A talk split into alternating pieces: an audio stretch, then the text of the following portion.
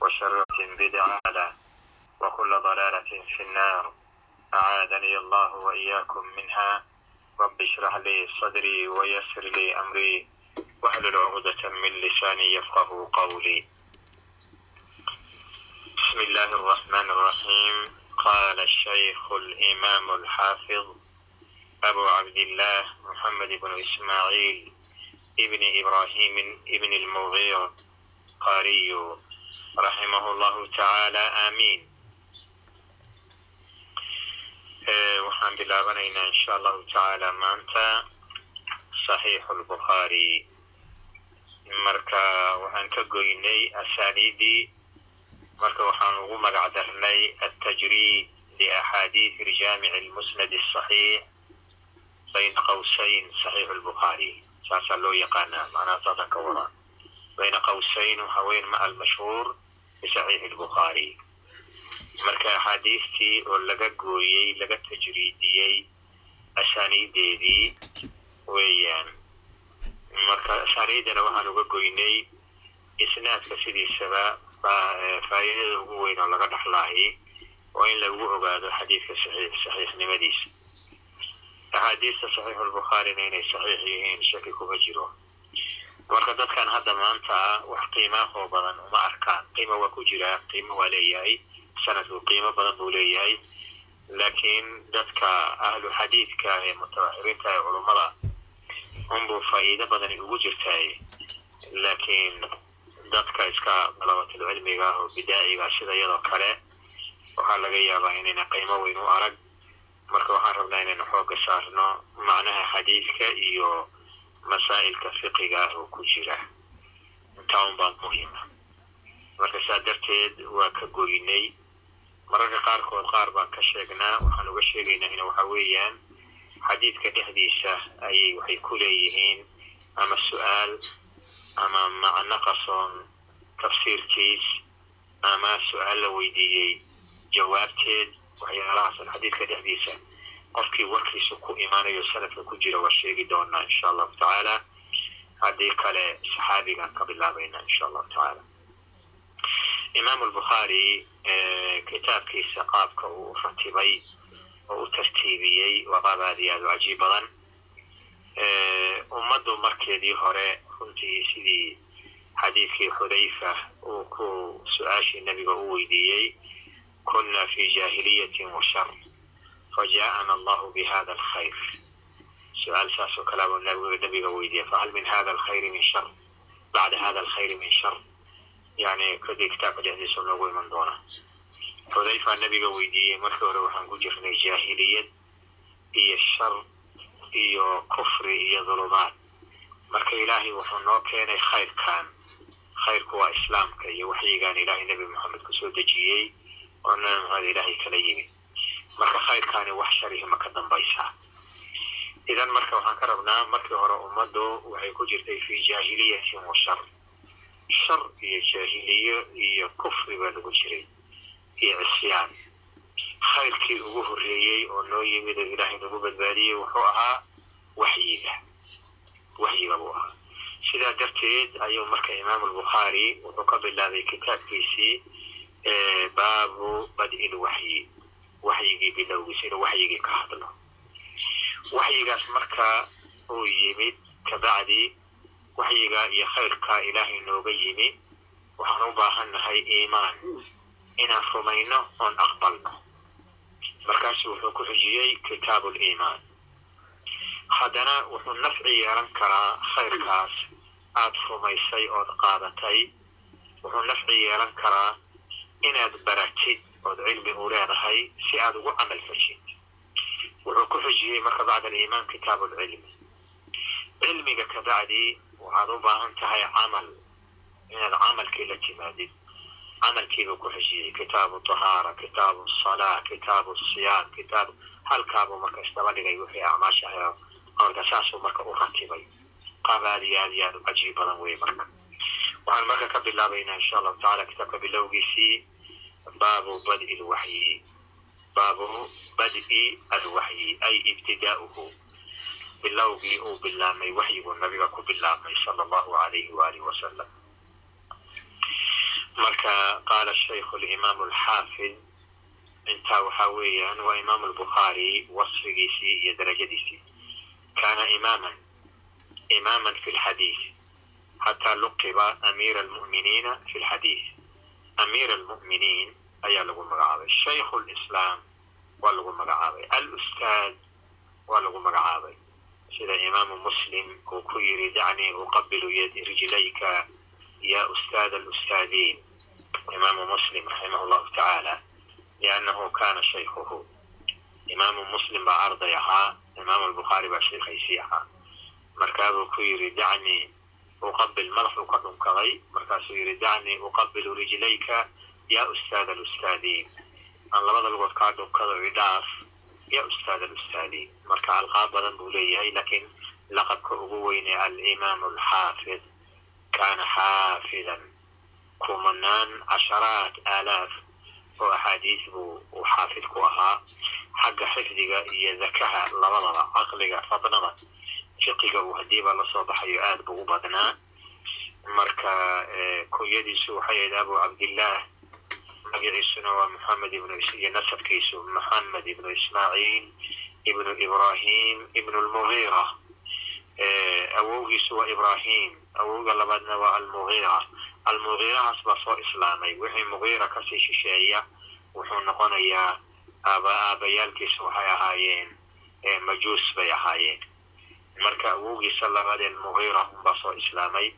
Albukhaariyu bukhaara marka waa magaaladii iyo mantiqadii uu ku dhashay kuna soo barbaaray kuna geeriyooday aakhirkiisii ugu dambeeyey raximahu llahu tacaala dowladihii la dhihi jiray itixaadi sufiyeti ayay ka mid ahayd casrigan dambe markii la yidhaahdo halla hagay ku taallaa laakiin hadda waxaan u malaynayaa inay dowlad ka go'day markuu itixaadi sufiyetkii burburay inay noqotay meesha albukhaara raximah llahu tacaala qaala kayfa kana bad'u lwaxyi ila rasuuli illahi sala allahu alayhi wasalam kayfa sidee buu kaana ahaa bad'u lwaxyi bilowgii waxyiga oo nabiga ilaa rasuulillahi waxyigii rasuulka ilaahay loo waxyooday bilowgiisii sidee buu ugu bilowday sala allahu alayhi waalihi wasalam waxyigaa ku bilowday un baana nebinimadii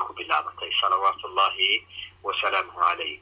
Waxyiga loo jeedayna waxa weeyaan waa qur'aankan aan haysano islaamkan ilaahay nagu manaystay ayaa soo degay oo nebi moxamed lagu soo dejiyey hada huwa alwaxyu iyo wa qowlu llahi caza wajala jala dikruhu ina awxayna ilayka kama awxayna ila nuuxin wاlnabiyiina min bacdi ina anagu allah wuxuu leeya qaala allahu tacaala ina anagu awxaynaa waan waxyoonnay ilayka adigan kuu waxyoonnay nebi moxamedow sala allahu alayhi wasalama kamaa awxaynaa sidaan ugu waxyoonnay ilaa nuuxin nabiyullaahi nuux sidaan ugu waxyoonnay iyo wاlnabiyiina nebiyadii min bacdihi nabiyullaahi nuux ka dambeeyey aayadan laba saddex arrimoodba horta waan ka fahmaynaa xaqa ilaahay xaggii ka soo degay oo ambiyada ku soo degay ayaa lagu magacaabaa waxyi marka waxyiga nebiga u yimi sala allahu alayhi waalihi wasalama wuxuu la mid yahay waxyigii ambiyadii ka horreeyey loo waxyoon jiray. Oo nabigu sala allahu alayhi wasalama ma ahayn qofkii ugu horreeyo loo waxyoodo sida ay mushrikiintu mararka qaarkood ay u muujinayeen. Waa ka ilahay aayad kale ku leh qul maa kuntu bidcan min arusul ma ihi ambiyadii waxay la iman jireen wax ka duwan qof la yimid maahi marka sidii ambiyadii hore loogu waxyoon jiray unbaa nabigana loogu waxyooday salawaatu ullahi wasalaamu calayh rusushii ilaahay uu soo dirayna rasuulkii ugu horreeyey wuxuu ahaa nabiyullaahi nuux. Sidaa darteeda baa ilaahay leeyahay kamaa awxaynaa ilaa nuux. Sidaa nabiyullaahi nuux uu u waxyoonay iyo wanabiyiina nebiyadii min bacdihi nabiyullaahi nuux ka dambeeyey ilaa adigana lagu soo gaadhay marka waxa weeyaan ambiyadii unbaad undaba socotaa waxay ambiyadii la iman jireen unbaad la timid. Xaqii ambiyadu la iman jireen unbaad la timid. Xaqii loo waxyooday unba adigana lagu waxyooday. Marka sidii marka uu ugu bilowday ayaanu marka baabkan ayuu ka hadlaya.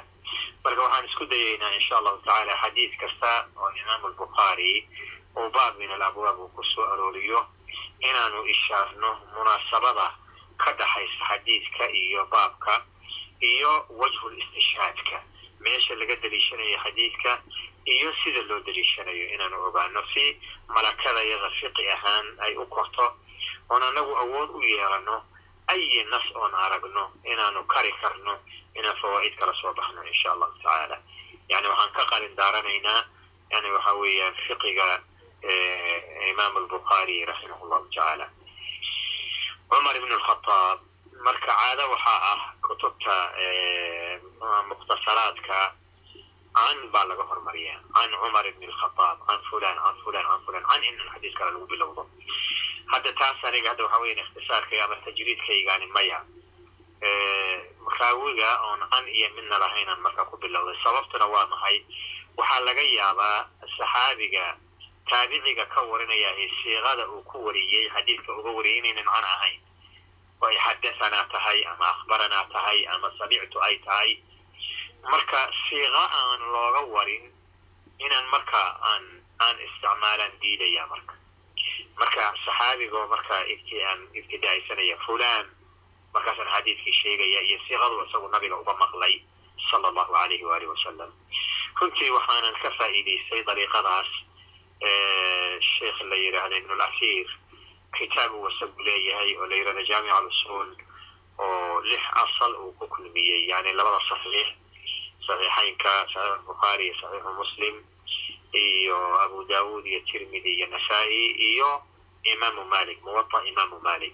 Lixdaasuu ku kulmiyey axaadiistooda marka wuxuu isticmaalaa haddii wuxuu sheegayaa saxaabiga yani siiqat oo siiqat aladaa ka hormari maayo magaciisa keliyuu sheegaya markaasuu markaa isagu siiqadii uu nabiga uga wariyey iyo xadiidkiibuu ku xidhaya marka dariiqadaasaa marka aada ila qurxoonaatay oon isticmaalay saa darteeda axaadiistao dhan marka qofkan ka bilaabayo waxa weeyaan isagaan isdaysanaya marka waxaanu leenahay cumar ibn alkhataab radia allahu canhu qaal samictu rasuula allahi sala allahu alayhi wasalama yaquul inama alacmaalu binniyat wainama likuli imri'in ma nawaa faman kanat hijratuhu ila dunya yusiibuha aw imra'atin yankixuha fahijratuhu ila ma haajara ilayh cumar ibn alkhataab qaala samictu waxaan maqlay rasuul allah sala allahu alayhi wasalam rasuulkii ilaahay baan maqlay oo yaquulu oranayo inama alacmaalu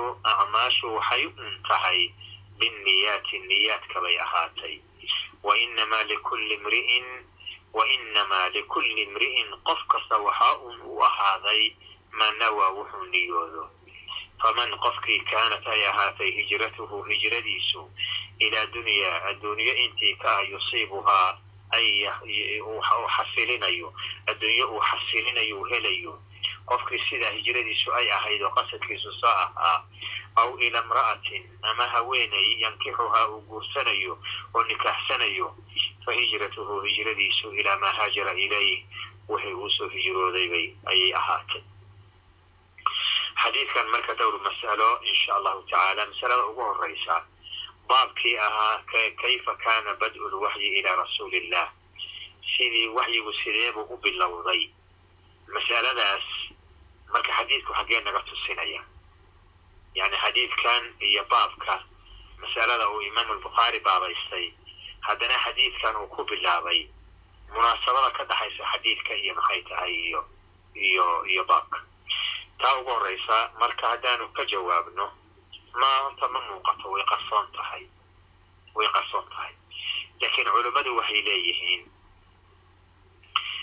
baabka waxaa ku xiran inaa awxaynaa ilayka kamaa awxaynaa ilaa nuuxin wanabiyiina min bacdi sida nebiga loogu waxyooday ayaa ambiyadana loogu waxyoo jiray wixii ilaahay u waxyooday ambiyadii nebi moxamed ka horreysay.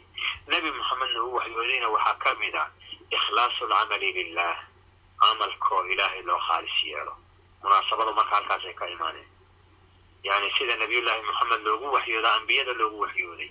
Wixii ambiyadii loo waxyooday nebigana loo waxyooday waxaa ka mid a ikhlaasu alcamali lilah wma umiruu ila liyacbudu allaha mukhlisiina lahu diina xunafaa iyo aayadaha lamidkaa taasi waa mid midda kale waxa weeyaan camalku hadduu ikhlaas waayo laa yuqbal lama aqbalo waa marduud. Camalku hadduu ikhlaas waayo waa marduud. Cilmiguna waa camal. Cilmiguna waa camal. Oo nabigu wuxuu leeyahy sala allahu alayhi wasalama man salaka dariiqan yaltamisu fiihi cilman sahala allahu lahu dariiqan ila aljanna qofkii dariiq mara ou cilmi ku doonayo ku dalbayo ilaahay wuxuu u sahlaa dariiq uu jannadii ku gaaro. Waxa jannada lagu gelayana waa camal ilaahay raalli ka yahay oo ilaahay uu sharciyeeyey in lagu caabudo subxaana wa tacala idan talabu lcilmi wuxuu waxaa wuxuu u baahan yahay ikhlaasu talabi lilah marka qofkii daalibulcilmiga ahaana xasi bay u tahay lagu boorinayo la leeyahay niyadaadu yay ku khiyaanayne niyada wanaagsan maadaama aad bilowgii cilmiga aad hadda joogtid jaranjaradii ugu horreysa aad lugta saaraysid awal xadiid fi saxiix albukhaari aad akrinaysid cilmi badanna uu ku jiro oo sunnadii nabiga saaaid u ururiyey niyadaada min alaan marka wanaaji oo cilmigaagu ha noqdo mid aad ula jeedid ilaahay darteed qofka xataa caalimka naftiisa oo wax alifaya si cilmigiisu uu simaar badan u dhalo oo ajar badan u helo ta'liifkiisii cilmiga uu akrinaya labadaba waa inuu ilaahay dartii ula jeedaa sababto ay tahay qofku markuu dhinto acmaasha u soo socota ajarkeeda iyo tawaabkeeda waxaa ka mid a cilmun cilmun yuntafacu bihi cilmi lagu intifaacayo oo waxa weeyaan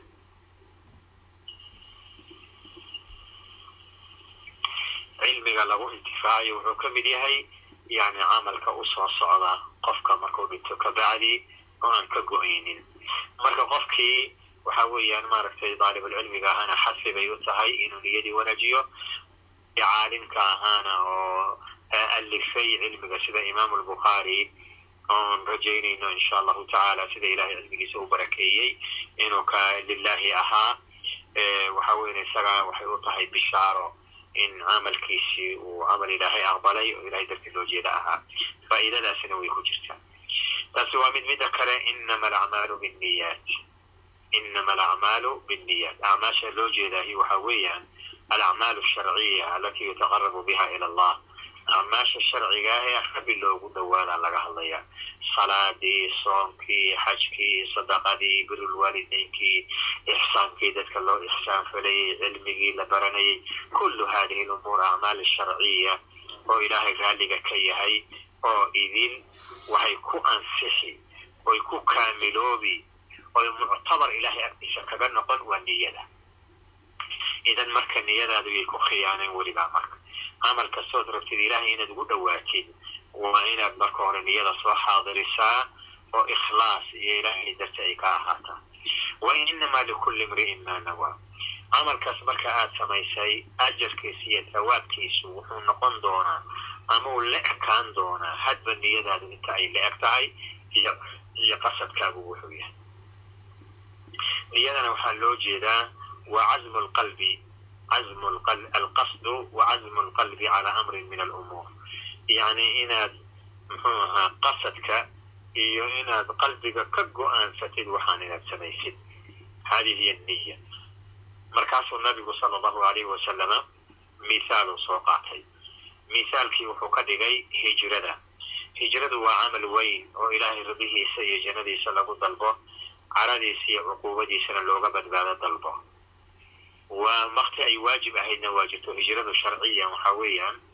waa macnaheedu waxa weeyaan waa inaad ka tagtid ood ka hijrootid mufaaraqatu daari lkufri ila daari lislaami khawfa alfitna waqasdi waqasdi liqaamati shacaa'ir addiin yani beledka gaalada intaad ka hijrootid oo ka tagtid aad beled islaam aadid adoo diintaada la cararaya iyo naftaada fitno kala cararaya fitanku waa badan yihiin weliba waktigan waana fitan waxay iska no.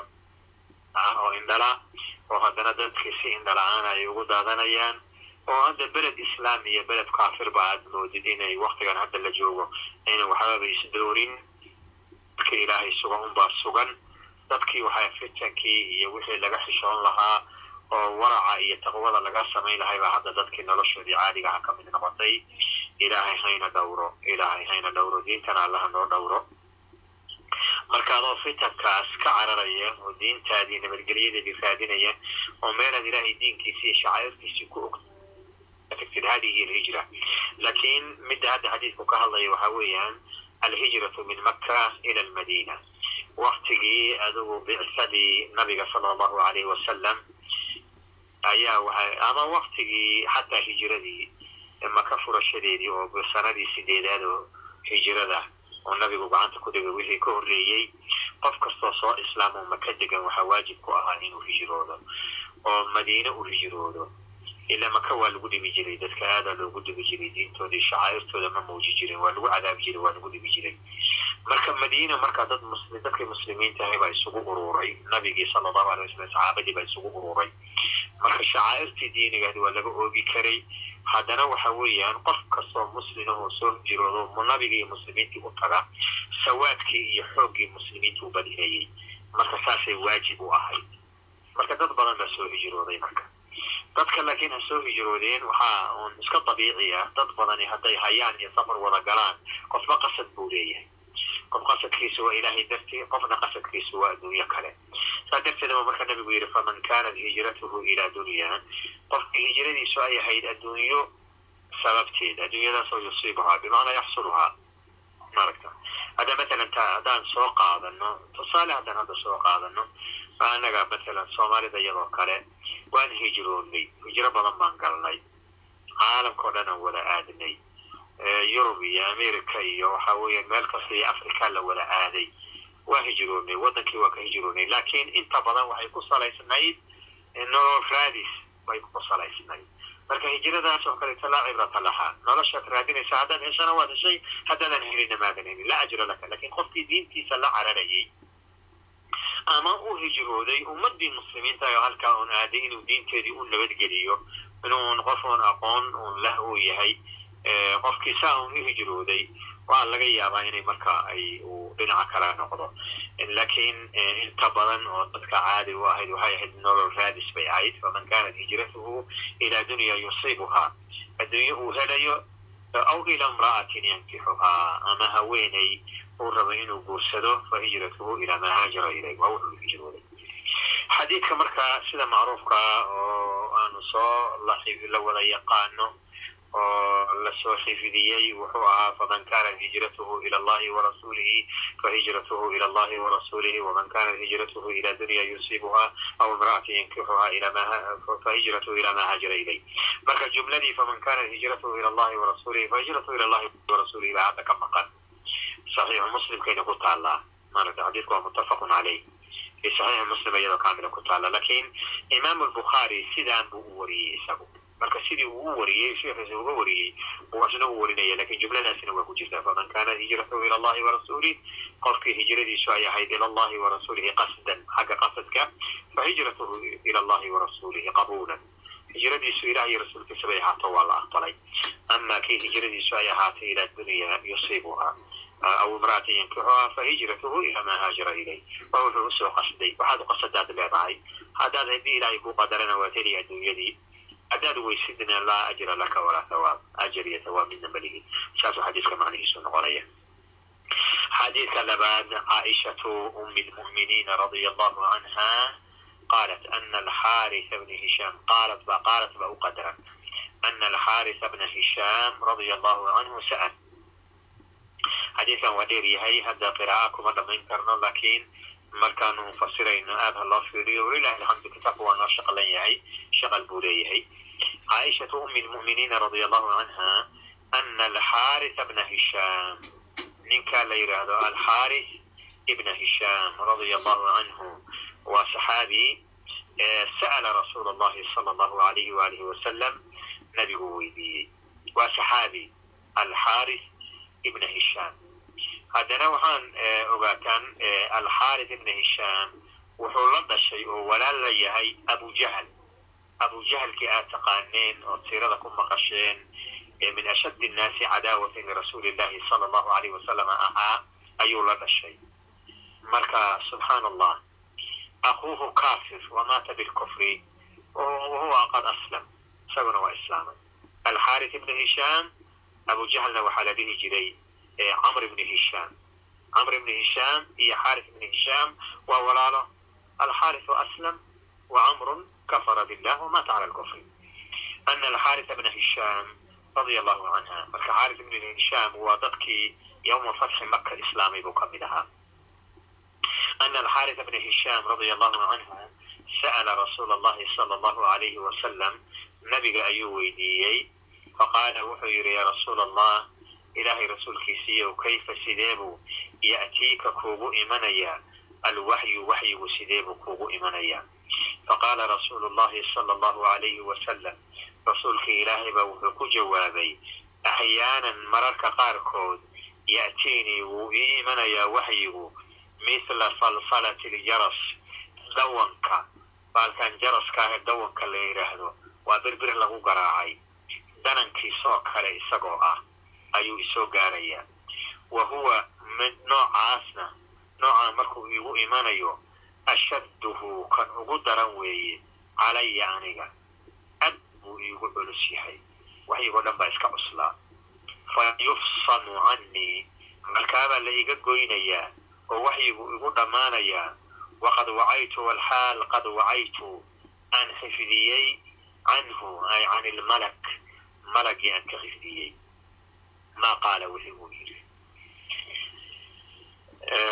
wa axyaanan mararna yatamassalu liya almalak malagiibaa isu kay soo suuraynaya rajulan nin buu isugu kay soo suuraynaya aan u jeedo fa yukallimunii markaabuu ila hadlayaa fa acii markaabaan xifdin maa yaquulu waxa uu odhanayo ayib marka alxaaris ibna hishaam nabiga wuxuu weydiiyey waxyigu sidee buu kuugu yimaadaa? Waxyigu sidee buu kuugu yimaadaa? Laba xaalow marka nabigu sheegay xadiidkan ku sheegay salawaatu ullahi wa salaamuhu calayh. Xaalad waxaa weeyaan sawtulmalak isagoon malagii u jeedin sawtulmalak malaguna waa jibriil waa jibriil alayhi salaatu wasalaam ila jibriil baa waxyiga la soo dega. Sawtulmalag baa soo gaaraya nebiga dhegihiisa ku dhacaya. Sawt isdaba joogoo danan ah. Sida jaraska baalkan jaraska la yidhaahdo oo markii la dhawaajiyo dananaya. Sawtkaasoo kalea isoo gaaraya buu leeyahay nabigu sala allahu alayh wasalam oo weliba aad iigu adag. Laakiin waxyigiibaa iga dhammaanaya. Anoo wax allaale wixii la ii waxyoodoo dhan xifidiyey buu leeyahay nabigu salawaatu ullahi wasalaamu calayh marmarka marka marmarka qaarkoodna wuxuu iigu imaanayaa isagoo suuro bini aadan oo rajul lah. Buu ii imanayaa markaabuu la hadlayaa hadal uu nebigu fahmaya waa ka fudud yahay marka hore markaas kale.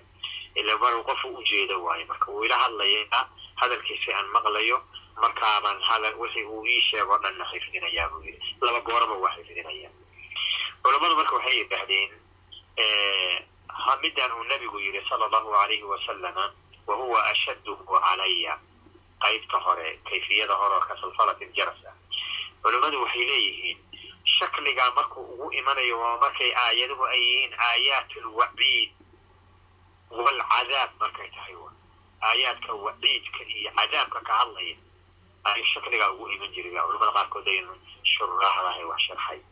Saa darteeda fa ashad asagaa daran waxyigoo dhani waxa weeya waa ad buu u culus yahay.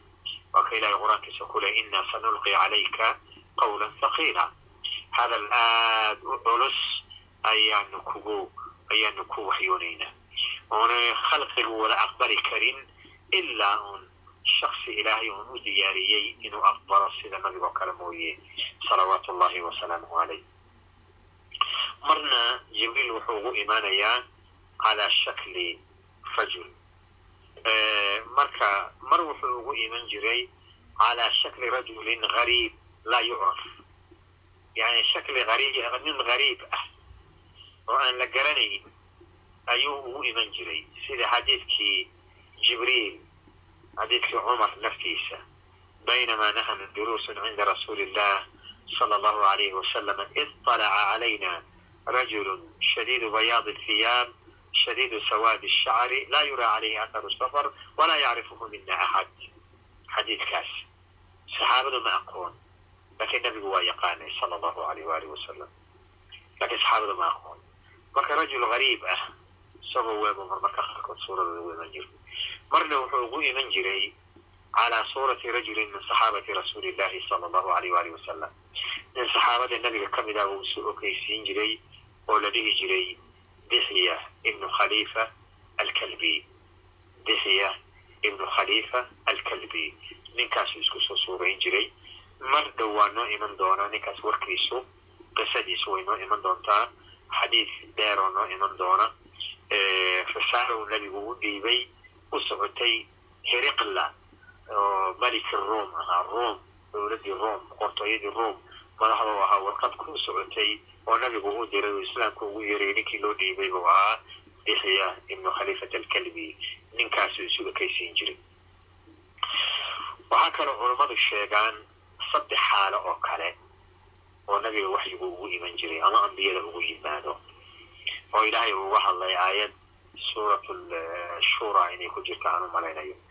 Maaragta ma kana libasharin an yukalimahu allahu ila waxyan aw min wara'i xijaab aw yursila rasuula fayuuxiya biidnihi ma yashaa yani ma ahaanin ilaahay inuu la hadlo bashar ilaa waxyan inuu waxyi ula hadlo mooye waxyi ilhaam ah waxaa la yidhaha alwaxyu alilhaamiy ilaahay baa qalbigaaga wax ku ridaya oo ku waafajinaya hada nooc min alilhaam nooc min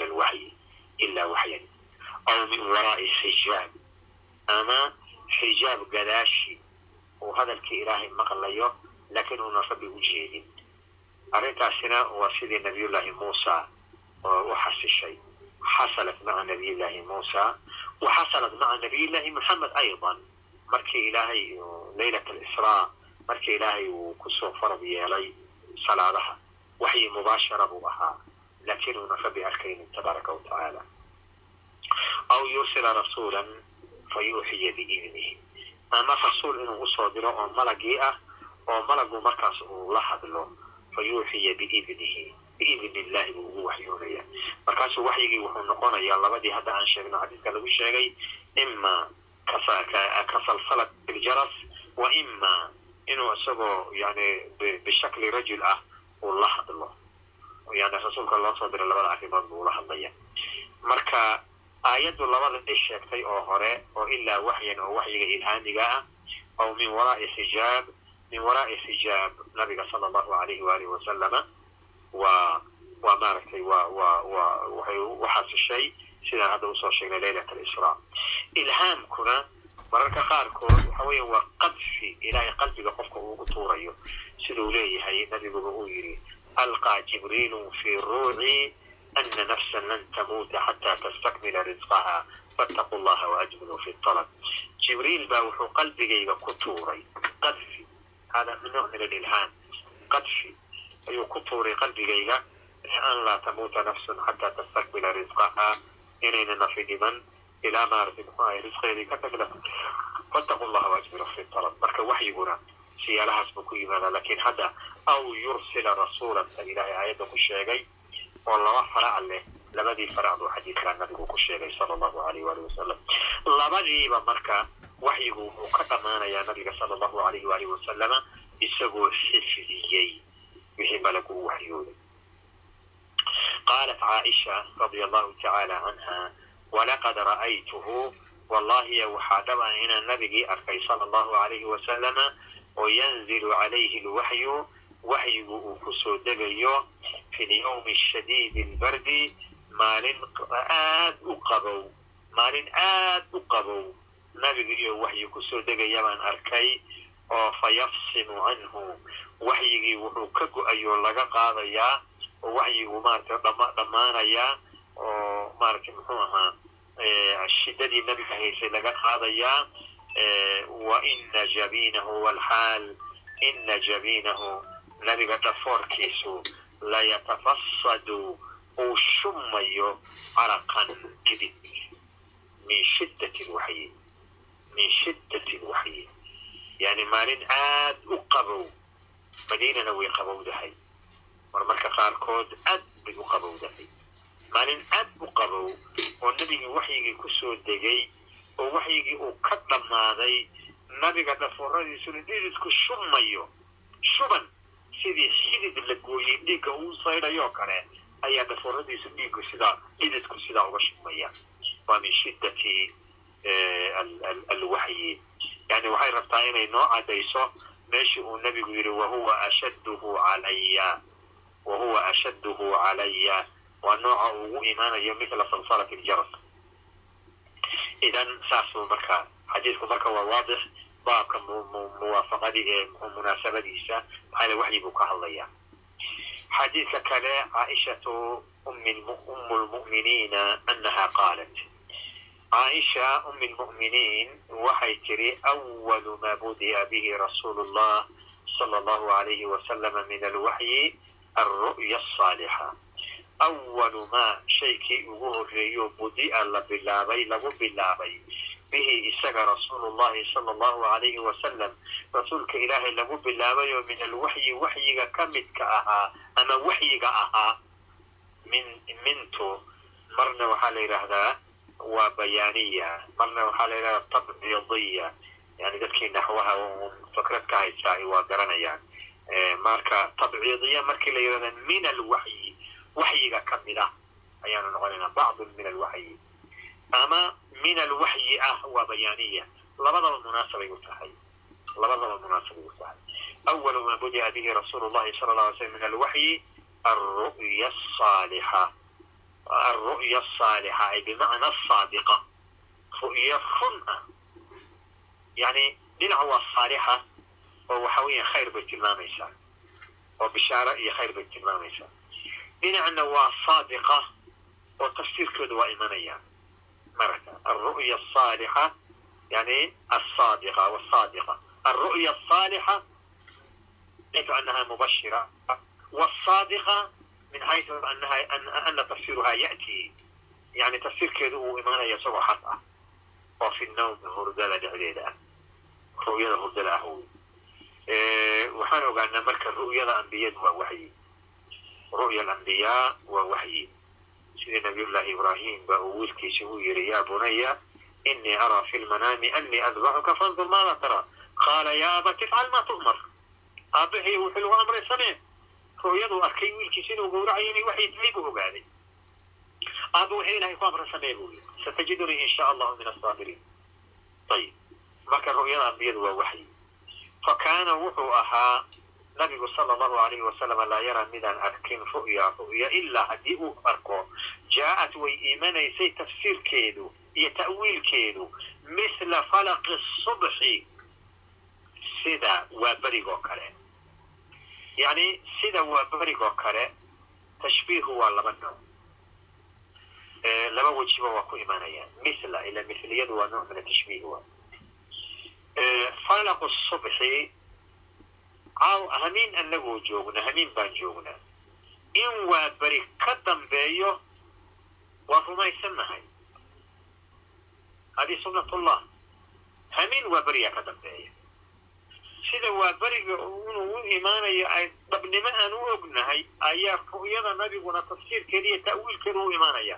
Oo midda kale waa berigu markuu waa beri caradoo dhan buu iftiinaya ru'yadana ru'yo umuud ku jiro oo axlaam ah oo qarsoon ma ahee waa waadix. Waa loo jeedaa. Ru'yo waadixa oo saadiqa ah oo xaq ah oo aan daahayn tafsiirkeeda iyo ta'wiilkeedu ayay ahayd waana waxyi. Uma xubiba nabigii waxaa la jeclaysiiyey uma xubiba waxaa la jeclaysiiyey ilayhi ay ila nabiyi sala allahu alay wasalama alkhalaa'u keliyoobid inuu keliyoobo oo dadka ka dhex baxo oo meel gooni uu keligii tago oo marka uu yani aayaadka ilaahay iyo ku fakaro sidaasuu jeclaaday wa kaana wuxuu ahaa nabigu sala allahu alayh wasalama yaklu mid gooni noqda bigaari khiraa jabalka khiraa la yidhaahdo meel ku taalloo god ah saqbi ku yaalla buu buu maaragtay muxuu ahaa ayuu ayuu ayuu jeclaaday inuu ku gooni noqdo marka god markii la yidhahdo dadku waxay u malaynayaan meel qodan oo dhulka ah marka meel qodan ma aha waa cibaara can axjaar mutaraakiba bacduhaa maca bacd dhagax isi saar saaran weeye oo dugsi leh oo hoos leh oo aqal camal aada moodid oo qof joogi jeeda maragta oo qofku iska harsan karo oo qoraada ka harsan karo yani aqal oon dhisan oo ilahay xagga ka dhismay buurtuna waa buur aada u dheer markay ku taallaa jabalka waxaa laha jabalu xiraa hadda waxaa loo yaqaanaa jabalu nuur unba hadda loo yaqaana adigu taqriiban saddex miil ayay u jirtaa taqriiban yani waa afar kilomitr adig afar ilaa shan kilomitr meelaas ilaa lix kilomitr taqriiban bay u jirtaa ayay kacbada u jirtaa marka waa bur aada u dheer oo buuraha kaleo dhan ka wada dheer. Markaad meeshaa gashid meel yaroo daloola dalooshay leedahay ood kacbadii uga jeedayso. Marka halkaasoo fadhiisanayaa kacbadii buu u jeedaa. Diintii nabiyullaahi ibraahim wixii ka baaqi ahaa inuu ka yaqaanay buu ilaahay ku caabudayaa yatafakar marka. Marka jabalkaas buu marka wakaana yakhlu bigaari khiraa gaaru xiraa buu ku gooni noqon jiray. Xiraadu waa jabalka magaciisa fayatahanathu fiihi fayatahanathu fiihi gaarkaas buu marka uu ku cibaadaysan jiray marka fayatahanas ayaa marka lagu fasiraya wahuwa tacabud wahuwa tacabud atahanuthu almuraadu bihi atacabud halkaasuu ilahay ku caabudi jiray marka tafsiirkan wahuwa tacabud waa mudraj xadiidka kama mid ahaa nin la yidhahdo imaam zuhri raximahu llahu tacaala oo ruwaada xadiidka ka mid ah ayaa tafsiirkan leh imaam zuhri wuxuu ka warinayaa hishaam ibnu curwat ibnu zubayr hishaamna wuxuu ka warinayaa aabihiis curwat ibnu zubayr curwat ibnu zubayrna wuxuu ka warinayaa khaalatuhu caaisha caaisha habaryartiis ahayd ila ilma zubayr waxaa dhalay asma binti abi bakrin aa dhashay marka curwat ibnu zubayr asma baa dhashay asma'na caaishay walaala marka habaryartiis ayuu ka wari jiray curwa curwa saxaabi ma ahayn. Taabici buu ahaa. Bacda nabiyi baa la dhalay sala allahu alayhi wasalama ninkii taabici ee saxaabiga ahaa wuxuu ahaa cabdullahi ibnu zubayr. Walaalkii ka weyn baa saxaabi ahaa. Lakin curwa laysa saxaabiyan inama huwa taabici. Marka habaryartiis ayuu ka wariyaa. In badan in badan buu ka wariyaa. Marka zuhriyo oo oo ku jira ruwaada xadiidka ayaa leh lafdigan wahuwa tacabud fayatahanathu fiihi layaaliya dawaati alcadad fayatahanathu ay bimacnaa yatacabad ilaahay buu ku caabudayay meesha gaarkaa fiihi fi lgaari allayaaliya hamiino dawaati alcadad hamiino tira u saaxiiba hamiino cadad ah dhowr dhowr ku hamiin qabla an yanzica ay qabla an yarjica intuuna laaban ilaa ahlihi ahalkiisii waa khadiija binti khuwaylid radia allahu tacaala canha intuuna ahalkiisa u laaban ayuu ku caabudi jiray meesha gaarka oo wayatazawadu marka uu u soo zaad qaato lidalika ay lidalika litilka alkhalwa khalwadaas uu u soo zaad qaato. Intuu zaadkiisa soo qaato oo meesha iska galo oo maalmo joogo markii zaadku ka dhammaado ayuu haddana noqon jiro o ahalkiisa u noqon jiray. Markaasuu haddana u soo zaad qaadan jiray intoo kale. Marka wayatazawadu lidalika qabla an yanzica ilaa ahlihi intuunan ahalkiisa u noqon oo wayatazawadu uu u soo zaad qaato lidalika arrintaas awgeed. Uma yarjicu markaasuu noqonayo markii zaadku ka dhammaado ilaa khadiijata yani khadiijata binti khuwaylid waana ahalkii aan soo marnay. Fayatazawadu markaasuu zaad qaadanayay limilihaa ay limithli tilka layaali hamiinadaas oo kale ayuu haddana mar labaad u soo zaad qaadanayay. Sidaasaa marka caadadiisu ahayd marka. Waa zaad qaadanaya dhowr hamiin buu soo joogaya waa soo noqonaya ahalkiisiiyo khadiija u soo noqonaya haddana maalmihii kale uu zaad qaadanaya meeshiibuu ku noqonaya haakada caadatuhu walaa siyamaa bisha ramadaan. Xataa jaa'ahu alxaqu ilaa xaqii uu u yimid yani jaa'ahu jibriil bilxaqi jibriil baa xaqii ula yimid xaqa laga hadlayaahina waa waxyigii xataa jaa'ahu alxaqu ilaa uu xaqi u yimid wa huwa nabiguna fii gaari xiraa balkaas xiraa meeshiisaa godka ahayd saqbiga ah isagoo nebigu joogo oo ku jira ayaa jibriil u yimi fa jaa'ahu lmalaku malagii baa u yimi wuxuu ula yimi waxyigii uu arkayay markuu soo degayay suuratu najmi baa ilaahay uga hadlay. Suuratu najmi baa tafsiirkeeda looga hadlay. Markuu nabigu imaanayay wuu arkay. Wuu arkay nabigu waa arkay markii jibriil imaanayay. Waa u soo dego waa u yimid. Markuu u yimidna wuxuu ku yidhi faqaala iqra' akri buu nabigaa ka sheekaynaya marka. Faqaala iqra' iqra' buu nabi ku yidhi marka jibriil qaala nabigii wuxuu ku jawaabay maa ana biqaari anigu ma ihin mid qaari ah ay laa uxsinu qiraa'a qiraa'ada ma wanaaji aqaan nabiga sala allahu alayhi wasalama ummad buu ka dhashay oo carabta ahayd waxaa la dhihi jiray ummatun ummiya waa ummad ummi ah waxna ma akri jirin waxna ma qori jirin ila akhrisku wuxuu yimaada akhriska inaad baratid si wax loo akriyo sida wax loo qorana aad baratid waa barasho. Caqligii waa ku jiraa laakiin ma kaanuu yaqra'uuna walaa yaktubuun. Dad iska reer baadiyaah oo waxay iska ahaayeen ummiyiin ah bay ahaayeen. Laakiin dihnigoodu uu qawi yahay aad u xoog badan yahay waxay maqlaan waa xifdinayaan. Gabayo iyo ashcaar boqolaal bayd ay xifdinayaan. Saas way ahaayeen. Marka ilaahay inuu nabiga ka soo saaray ummaddaas ummigaa xigmadaa ku jirtay ilaa waxay ku tuumaysan lahaayeen meelo kale wax ka soo iyo qisaska wayna bay yidhaahdeen ficlan ayadoo la og yahay nabigu inuu waxna aqoon waxna akri aqoon marka wuxuu ku jawaabay nabigu ma ana biqaari yani ma wax ma akri aqaan ma ma wanaaji aqaan saasuu ku yidhi nabigu sala allahu alayhi wa aalihi wasalam qaala markaabuu nabigu yidhi fa akhadanii malagiiba i qabtayoo faqadanii waa i majuujiyey tay qabtuu i majuujiyey maragta faqadanii markaabaa aan caburay oo nafaskay ugu xirmay mara xoog le malagiiba qabtayoo iyaana majuujiyo caburiyey xataa balaga ilaa uu gaadhay minii aniga xaggayga aljahda. Dhib meeshii ugu dambeeyey inta awoodaydu ahaydun xamili karay waa i gaarsiiyey. Xad aanan xamili karin wixii intaa ka dambeeya uma arsalanii waa isii daayuu yidhi. Faqaala wuxuu yidhi buu yidhi iqra' akri faqultu waxaan idhi bu qultu waxaan idhi buu yidhi maa ana biqaari. Wax ma akriya aqaan fa akhadanii waa i mar labaad. Faqadanii waa i majuujiyey oo i athaaniyata markii labaad.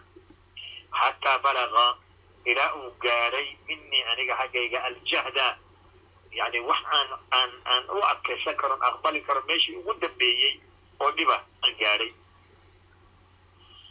uma arsalanii haddana way sii daayey faqaala wuxuu yidhi buu yidhi iqra' akri faqultu waxaan idhi buu yidhi maa ana biqaari wax ma akri aqaan faakhadanii waa i qabtay faqadanii waa i majuujiyo i caburiyey athaalisata markii saddexaad maragta uma arsalanii markaa buu isii daayey markaasuu yii faqaala wuxuu yidhi iqra' bismi rabbika aladii khalaq khalaqa alinsana min calaq iqra' warabuka alakram aladii callama bilqalam callama alinsana maa lam yaclam ilaa halkaas laga gaaray iqra' akri bismi rabbik rabbigaaga. Iqra' akri muxuu akrin doonaa. Waxa lagu waxyoon doono akri bismi rabbika adoo magaca rabbi magaca alle adoo ku bilaabanaya alladii allihiiyo khalaqa abuuray wax kasta. Khalaqa alinsaana wuxuu abuurana insaanka ka mida. Khalaqa alinsaana insaanka abuuray.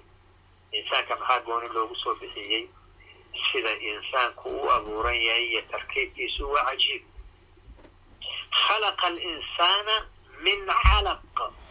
Weliba wuxuu ka abuuray calaqa calaqadu waa xinjirta dhiigga markuu xinjiroobo oo yar adkaado biyihii manida ahaa ee candhuufta ahaa baa ilaahay dhiig u bedelay oo xinjir ka dhigay oo hilib u bedelay.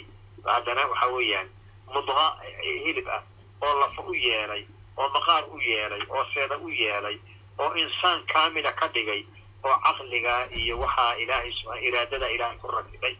Yani khalqiga insaanka markaad ku tafakurtid waa insaan cajiiba weeye. Aayad aayad baa nahay aayad socota waliajli dalika ilahay qur'aankiisa uu ku leeyahy wafi lardi aayaatun lilmuqiniin wafi anfusikum wafi anfusikum afalaa tubsiruun. Khalaqa alinsana min calaq iqra akri warabbuka rabbigaagu alakram waa allaha kariimka ee deeq badanaa warabbuka alakram alladii callama bilqalam dadka wax yaqaan wax qori yaqaan wax akri yaqaan cilmi iyo macluumaad ugu arsuqay ilaahay wuxuu ku baray biwaasitati alqalam warabbuka alakram alladii callama bilqalam dadka wax ku baray qalam biwaasitati lqalam rabbiga qalam dadka wax ku baray qalim la'aan buu ku bari karaa marka wa huwa kariim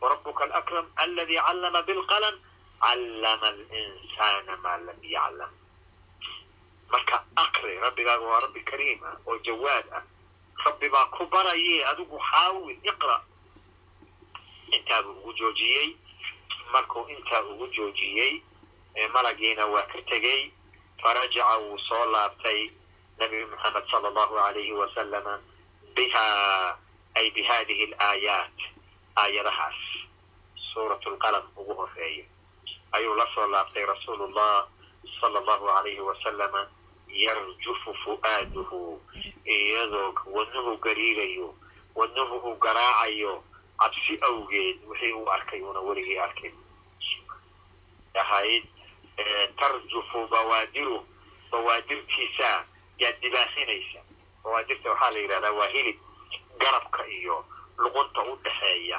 Marka u naxo ayuu ka gariiraa oo dibaaxisaa isagoo marka cabsi oon awgeed wadnihii iyo hilibkaasiba uu uu dibaaxinayo ayuu soo laabtay oo ka soo baxay meeshii buurtii ka soo degay oo ahalkiisii soo aaday fadakhala calaa khadiija.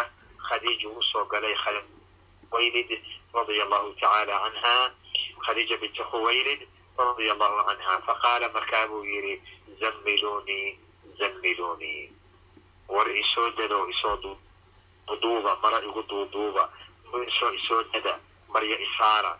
Qofku markuu naxdinta iyo argagaxu ka badato waa la dadaa bustayaala la saaraa waxba lala hadlo waa la daayaa xoogaa marka waxa weeyaan waa soo degaya marka. Marka faqaala zammilunii zammilunii iduuduuba iduuduuba fazammaluuhu waa duubeenoo waxbay ku dadeen. Dharay saareen ahalkiisii. Xataa dahaba canhu rawcu ilaa uu ka tegey naxdintii. Rawcu waa naxdinta fazaca iyo argagaxa iyo naxdinta daran. Markay ka tagtay ayuu marka khadiija uu warramay marka faqaala wuxuu yidhi likhadiija khadiija wuxuu u yidhi wa akhbaraha alkhabar walxaal akhbarahaa uu u khabray u sheegay alkhabara khabarkii iyo wuxuu arko markuu u dhameeyo u sheegay ayuu wuxuu ku yidhi laqad khashiitu calaa nafsii wallahi waxaa dhab ah inaan naftayda u baqay wixii aan arkay naftayda waan u baqay inaan halaagsamo ayaa ka baqay. Wuxuu arkay koogii ku yihi wixii marka wuu argagaxay nabigu wuu nahay. Marka khadiija qof aada u caqli badanna way ahayd. Qof aada u faham badanna way ahayd. Qof dadka kale xataa ka horeeyana way ahayd. Oo waxay lahayd inay ilmaadeer ahaayeen. Oo waraqat ibni nawfal la yidhaahdo oo waktigii jaahiligii awsaantii iyo asnaantii qorayshi caabudi jirtay ka tegoo ka hijrooday oo diintii nabiyullaahi ciisa qaatay nasraaniyoobay oo kitaabkii maaragta injiilaha wax ka yaqaanay. Marka ninkaasay marka ay la xiriiri jirtay oo wax badan ay ka maqli jirtay. Marka waxay ku tiri faqaalad waxay tiri khadiijatu kallaa maya bay tiri maya ha baqin ha baqin in lagu halaago ha baqin ha ka baqin. Wallahi ilaah baan ku dhaartaye maa yuqzika allahu abadaa rabbi tabaaraka wa tacaala kuma hoojinayo kuma dullaynayo maaragta marka kuma dayacayo intaas isdaba dhigta laa yuqzika allahu abadaa intaasa macnay keenaysaa rabbi kuma hoojinayo rabbi kuma dullaynayo rabbi kuma dayacayo sababtu waa maxay sifaadkaad leedahay oo maxay yihiin innaka adigu latasilu raxim qaraabadaad xiriirisaa qaraabadaad xiriirisaa qaraabadoo la xiriiriyo waa macno weyn islaamkana aada ugu weyn wa taxmilu lkalla qofka aanan naftiisa ku filnayn oo yani aanu naftiisa aan mustaqil la noqon karin amarkiisa daciifkaana waad waad xambaartaayoo waxbaad siisaa waad u kaalmaysaa. Waad u kaalmaysaa. Qofka kalliga ama agoon ama maaragtay muxuu aha qof iska daciif ah oo yani mucawiq ah qofka noocaas oo kalitaana waad u xisaanfashaayo waad xambaartaa waad kafaalo qaadaa. Wa taksibu lmacduum yani macduumka waxaa loo jeeda almucdib qofka aan waxba haysan oo faqiirkaana kasab baad u samaysaayo waxbaad siisaa. Wax aanay dadka kale ka helaynin ayaa dadkaana siisaa. Wa taqri dayfa qofka martidaana waad martigelisaa waad soo dhowaysaa wa tuciinu calaa nawaa'ib alxaq waxyaalaha soo kordha xawaadista timaada oo xaqa ahna waad u kaalmaysaa. Yacni qofka waxaa ku imaanaya xaajo iyo xaadiso xaq ah u garab istaagaa waa aqbalaa saasaa tahay. Intaas qof lana waxa weeyaan rabbi ma hoojiyo. Rabbi ma hoojiyo. Sanaa'icu lmacruufi taqi can masaarici suu wanaagga iyo macruufka sanaacada ah ee aada samaysaade waxay kaa ilaalisaa. Meel inaad ku dhimatid bay kaa ilaalisaa intaasoo dhan baad samaysaa markaa ha baqin way geesnimo gelisa isla markiiba way la dhaqaaqday faindalaqat bihi. Nabigiibay la dhaqaaqday oo wadatay khadiijatu faindalaqat bihi khadiijatu faindalaqat khadiijatu khadiija way la dhaqaaqday bihi ay binnabiyi sala allahu alayhi wasalama xataa atat bihi waraqata bna nawfal. Ilaa ay ula timi waraqata bna nawfal ibni asad ibni cabdilcuza ibni cammi khadiija khadiijo ina adeerkeed buu ahaa waraqata bni nawfal ibni asad khadiijana waxay ahayd khadiijata binti khuwaylid ibni asad asad bay isaga soo dhacaan waa ilmo adeer ibni cabdilcuza maragta min bani zuhra ibni cammi khadiija wa kaana wuxuuna ahaa imra'an qof tanasara nasraaniyoobay fi ljaahiliyati waktigii jaahiligii kharaja can aljaahiliya can cibaadati alawthan wactanaqa addiin annasraaniya diinta nasraaniyadu ayuu qaatay yani injiil buu qaatay nacam wa kaana wuxuu ahaa yaktubu kii qora alkitaaba alcibraaniya luqada cibraaniga ah oo tawreed iyo injiil ay ku soo degeen ayuu yaqaanay qoraalkeedana waa yaqaanay. In wax qorow ahaa. Marka luqadii injiil injiili ku soo degtay cibraaniyada wuu yaqaanay waana qori jiray. Fa yaktubu wuu qori jiray. Min alinjiili injiisha xaggeeda bilcibraaniyata buu ku qori jiray. Cibraaniyaduu ku qori jiray. Waxaa soo aroortay lafdi kaleo yani riwaayad kaleo bilcarabiya marka carabigana waa yaqaanay cibraaniyadana waa yaqaanay. Cibraaniyadu waa luqadii injiil iyo tawreed carabigana waa yaqaano waa luqat lummi waa luqadii yani hooyadii uu ka dhaxlay. Labadabna waa qori jiray. Marka injiil xagga iyo xaggaba waa ku qori jiray. Insha allahu an yaktub. Intii ilaahay uu doono inuu qoro ayuu ku qori jiray.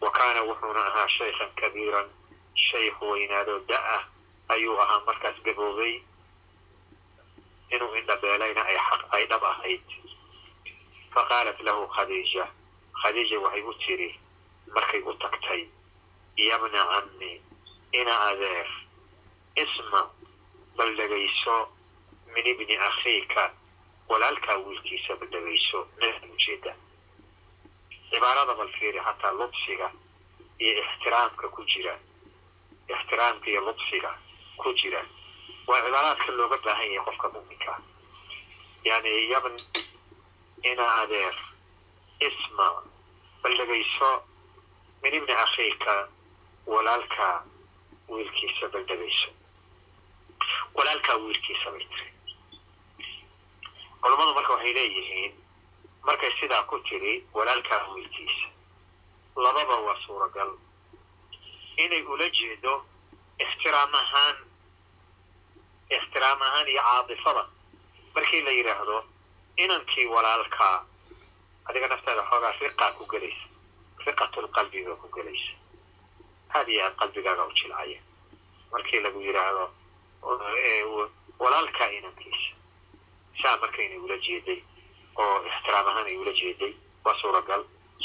Inay ula jeedoy fiirinayso markii la isu abtirsado nabiga aabihii sala allahu alayhi wasalam iyo waraqat ibni nawfal waxay isugu imanayaan qusay ibnu kilaab unbay isugu imanayaan. Maragta nabiga aabihii waa cabdullah ibn cabdilmuطalib ibni hashim ibni cabdimanaaf ibnu qusay ibni kilaab ninka la yidhaahdo marka waraqana waraqata ibnu nawfal ibni asad ibni cabdilcuza ibni zuhra ibnu qusay ibni ibni kilaab marka qusayi bay isugu imanayaan oo nabiga aabihii cabdullah iyo waraqat ibni nawfal ayaa markaa sinaanaya shajarada nasabka markii la eego. Min hadihi naaxiya haba fogaato oo cabaar ha fogaato oo meeshay ku kulmayaani dhowr awow ha u dhaxaysee. Marka waxay noqonayaan maadaama ay shajaradii shajaratu nasab ay sinmayaan kaanahu camuhu maragta labadaba waa suuragal bay yidhahdaan ee culammada shuraaxda ahi. Almuhim waxay ku tiri yabna cam ina adeer ismac dhegayso min ibni akhiika walaalkaa wiilkiisa dhegayso faqaala lahu waraqa waraqa wuxuu ku yidhi nabiga sala allahu alayhi wasalama ya bna akhi walaalkay wiilkiisiiyow maada taraa maxaad arkaysaa? Fa akhbarahu rasuulu llah sala allahu alayh wasalam rasuulkii ilaahay waraqu u khabray khabara maa ra'aa wixii uu arkay khabarkeedii ayuu u sheegay waraqa u sheegay khabara maa ra'aa faqaala lahu waraqa.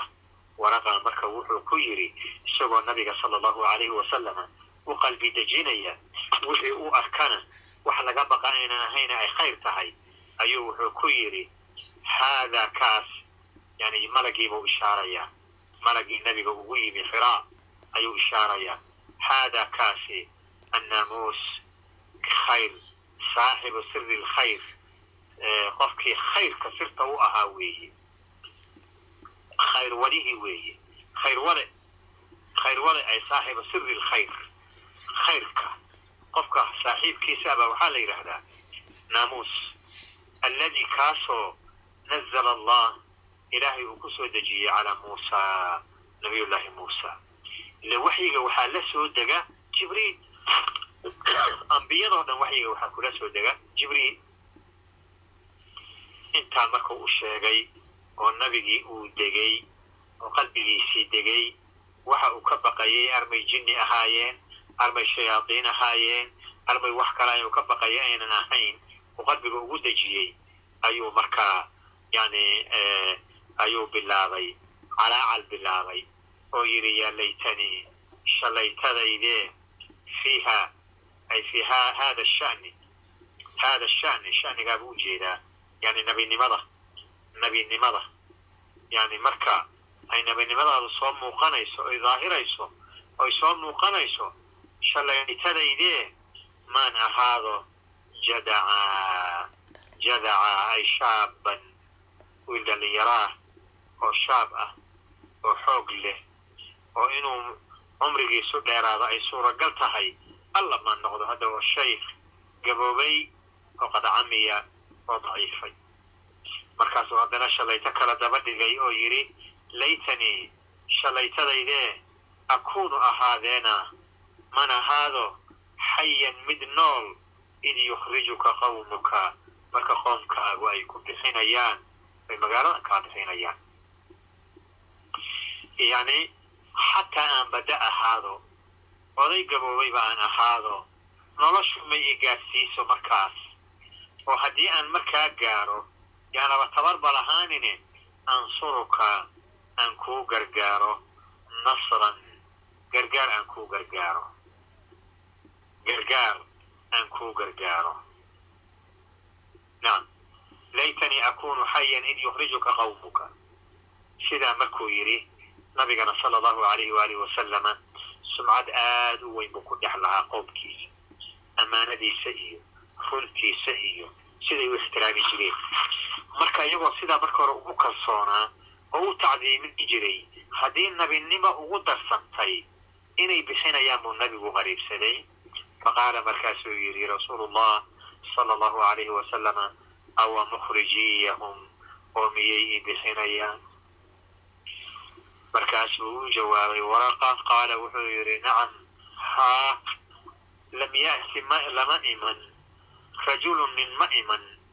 Qadu hadda ka hor bimili maa ji'ta bihi. Waxaad adigu la timid oo kale. Qofna lama iman oo ambiyadii ka horraysay ah ilaa cuudiya. Ilaa haddii uu la yimaado col baa lala noqday. Waa lala collaytamay cadowtinimaa loo gudtaday marka adiguna dariiqadii baad ku socotaa wa hadihi sunnat ullahi fii khalqihi. Xaqa iyo ahalkiisa in la naco oo ibliis iyo xisbigiisu ay nacaan hadihi sunnat ullahi fii khalqihi wanaag iyo khayr inaad ku nabadgeshin qof walba weligaa weligaa waxa weeyaan muxuu ahaa qalbiga ha gashan. Waxbaa waa lagugu nicin waxbaa lagaa sheegi magacyaa lagaa sheegi waa lagu ceebayn waa lagugu dhibi wanaagaa un keliya sidaasuu ku yidhi maaragta bimithli maa ji'ta bihi ilaa cuudiya markaa buu yidhi wain yudrikunii hadduu i haleelo yawmuka maalintaadaas amba da'ya aan gaboobay oo xoog yar aan ahaadee hadduu i haleelo yawmuka maalintaadaas ansuruka waan kuu gargaari nasran gargaar baan kuu gargaari mu'azara ay qawiya aad u qawi ah saa buu ku yidhi laakiin uma lam yanshab ma uunan daahin waraqatu waraqa ma daahin an tuwufiya in la oofsaday yacni wax badan ma sii noolaan haddiibaba waa la oofsaday isla markiiba waa la waa hakaday aayadihii suurat oo ugu horreeya soo degay kabacdi mudduu hakaday muddadaasu intee tahay culamada qaarkood waxay leeyihiin saddex sanoay ahayd laakiin saddex sano way ka yarayd sida axaadiista qaarkeed ay tilmaamayso.